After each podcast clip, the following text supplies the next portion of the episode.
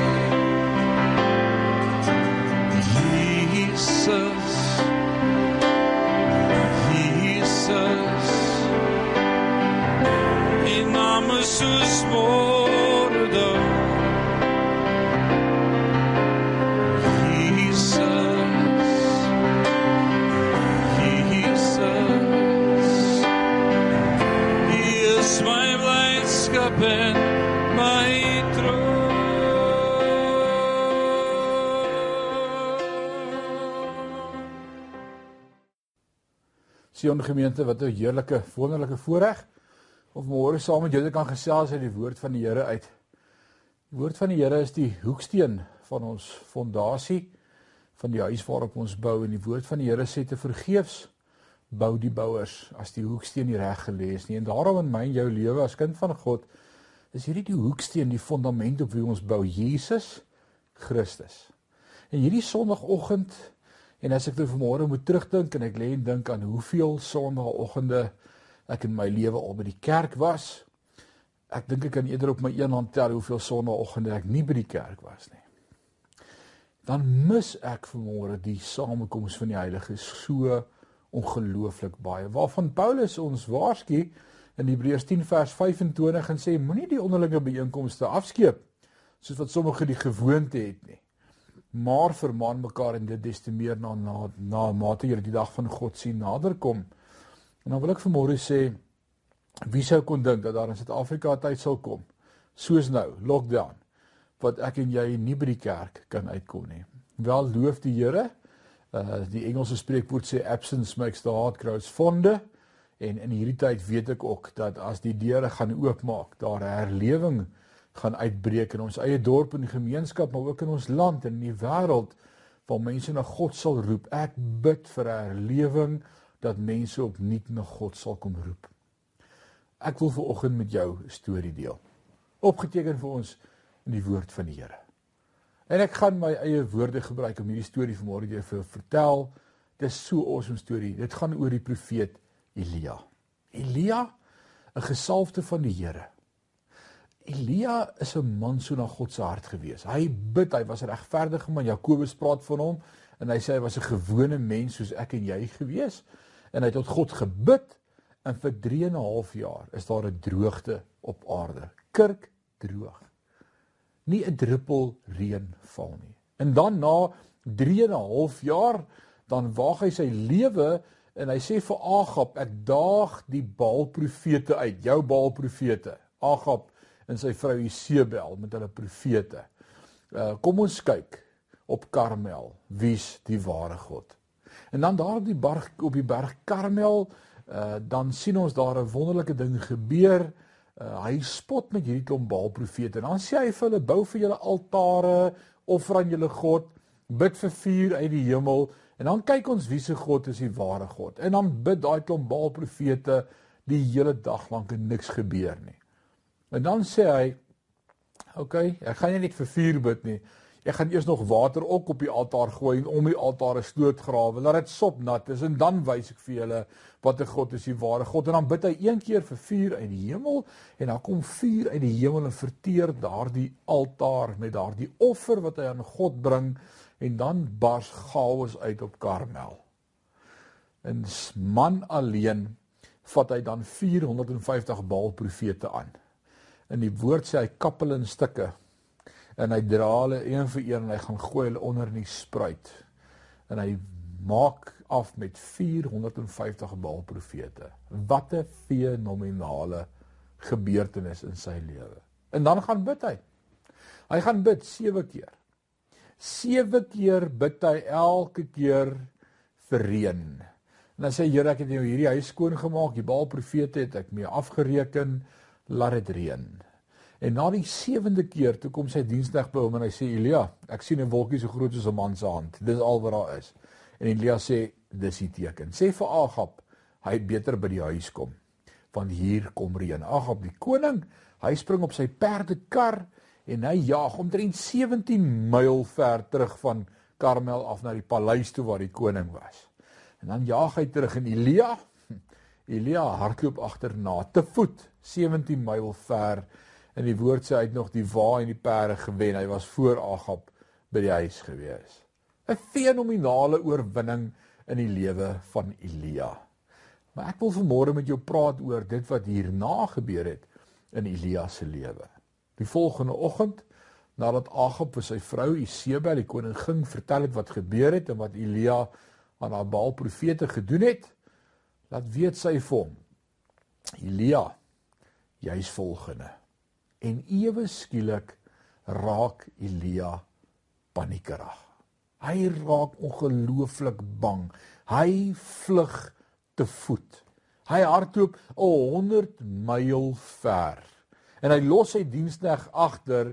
En na 100 myl kom hy op 'n plek van depressie en hy voel hy wil doodgaan op daardie stadium wil hy sterf en hy's honger en dan verskyn daar 'n engel van die Here aan hom. Ek glo dit was niemand anders as Jesus Christus want hy is altyd die een wat genade aan ons bewys reeds in die Ou Testament en dan voed hy hom 'n broodkoek of 'n engelkoek en hy voer hom water en hy sê vir hom gaan slaap. En dan rus Elia en as Elia wakker word is hy so versterk dat hy vir 40 dae en nagte daarop kan gaan sonder om weer te eet of te drink.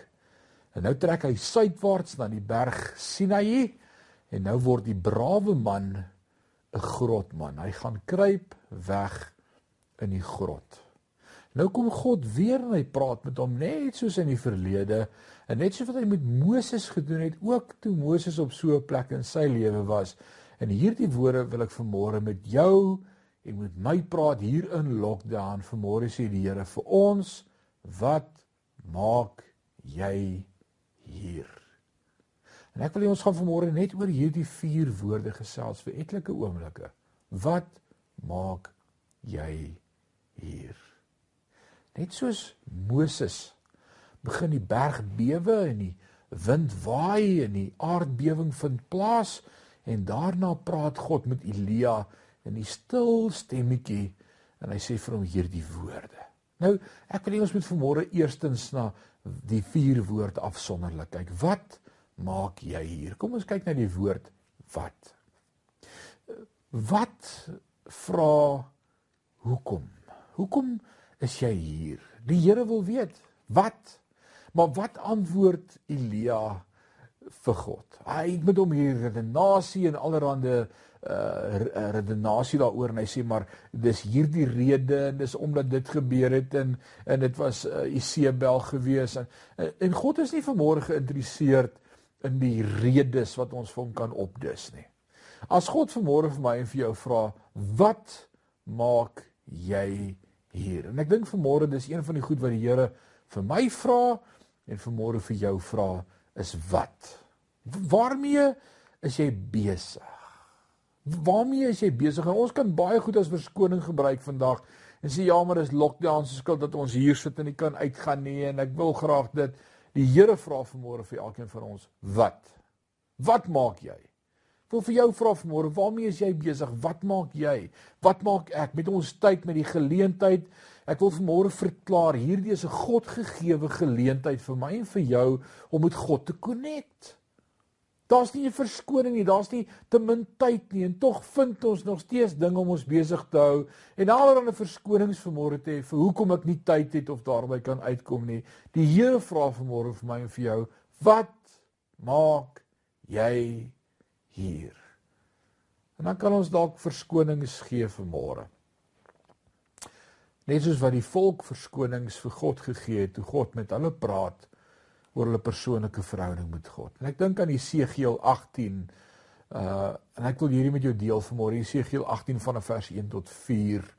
En nadat die volk baie verskonings gehad het en dinge gesê het, sê God die volgende.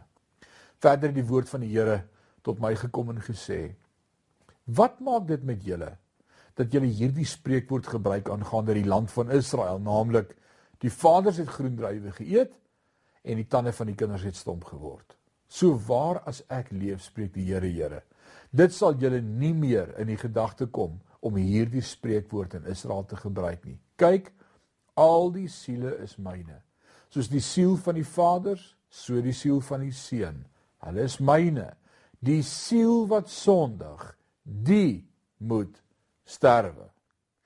Nou kom ek bring net konteks vir jou hier aan vanmôre. En dis 'n kosbare gedeelte in Jesegiel 18. Ek hoor in die tyd waarin ons lewe so baie predikers en uh, profete wat die woorde uiter van bloedklein vloeke en God besoek die sondes van die derde en die vierde geslag. Ek wil vanmôre vir jou sê, hulle vergeet van wat die Here vir ons gesê het in Jesegiel hoofstuk 18. Die volk het aanhou om die verskoning te gebruik. Ja, Here, maar dis my pa se skuld. Dis my oupa se skuld. Dis maar hoe dit is. Dis die skuld. En dan kom God en hy gee in hierdie gedeelte vir ons 'n woord en hy sê die siel wat sondig, die siel moet sterwe. Jy sal nooit weer kan sê dis omdat my pa dat in my lewe. Dis omdat my ouma pille gedrink het dat God sê nee. Nee nee nee. Elkeen het 'n verhouding met my en elkeen se verhouding is uniek. So vanmôre as God vir my kom vra, "Wat doen jy?"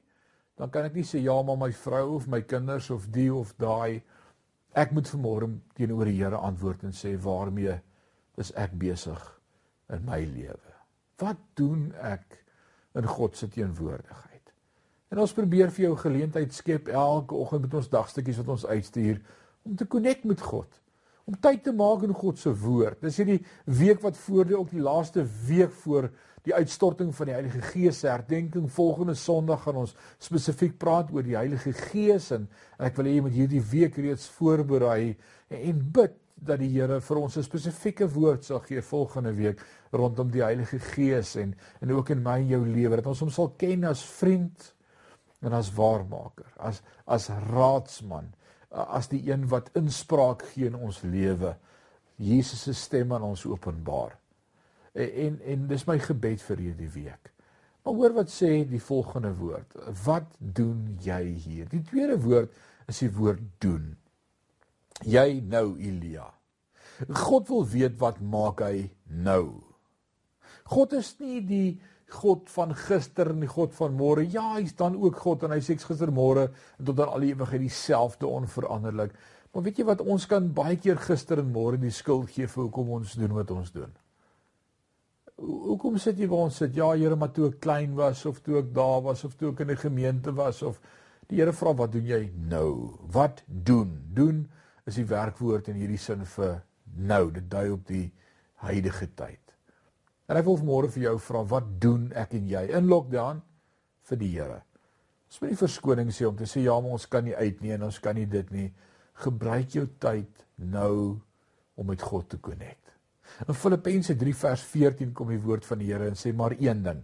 Ek vergeet die dinge wat agter is en strek my uit na die dinge wat voor is. Ek jaag na die doel om die prys te verkry vir die hoë roeping van God in Christus Jesus. Skryt. Vergeet wat verby is. En oor die dag van môre en ek weet daar's baie bekommernis en baie van ons hart oor die dag van môre, dan sê die woord van Here kwel julle dis nie oor die dag van môre nie wat môre sal hom oor sy eie dinge kwel. Elke dag het genoeg aan sy eie kwaad. Maar nie draai op die verlede nie. God stel belang in die nou. Jy het jou diensneg agtergelaat, Elia. En nou sit jy jouself in jammer kry alleen en jy doen niks. Nou vra die Here vir hom, "Wat doen jy?" Wat beteken jy vir jouself om hier te sit Wat beteken jy verander om hier te sit? En ek wil vir jouself sê in hierdie lockdown, my en jou, ons kan onsself baie vinnig jammer kry. Dit is nogal wonderlik hierdie emosies wat so opkom in ons harte en sê nee nou raak dit net te veel. Ek was gister nog fyn, maar vandag is net 'n dag te ver. Dalk wys die Here ons net wat in ons harte is. Ons het hierdie week gepraat oor die blydskap van die Here, die joy en en en om regtig elke dag net te beleef dat die blydskap is nie afhangend van my maar van God, van dit wat hy vir my gedoen het, van wie hy is en net om te groei in my verhouding met die Here. Dis awesome. Hou vas aan die Here. Maar wat doen ons vir God? En dan die derde woord is my so pragtig as God vir hom sê, jy. Jy. Jy is gesalf en toegerus en bekwam. Jy het my krag beleef en ervaar.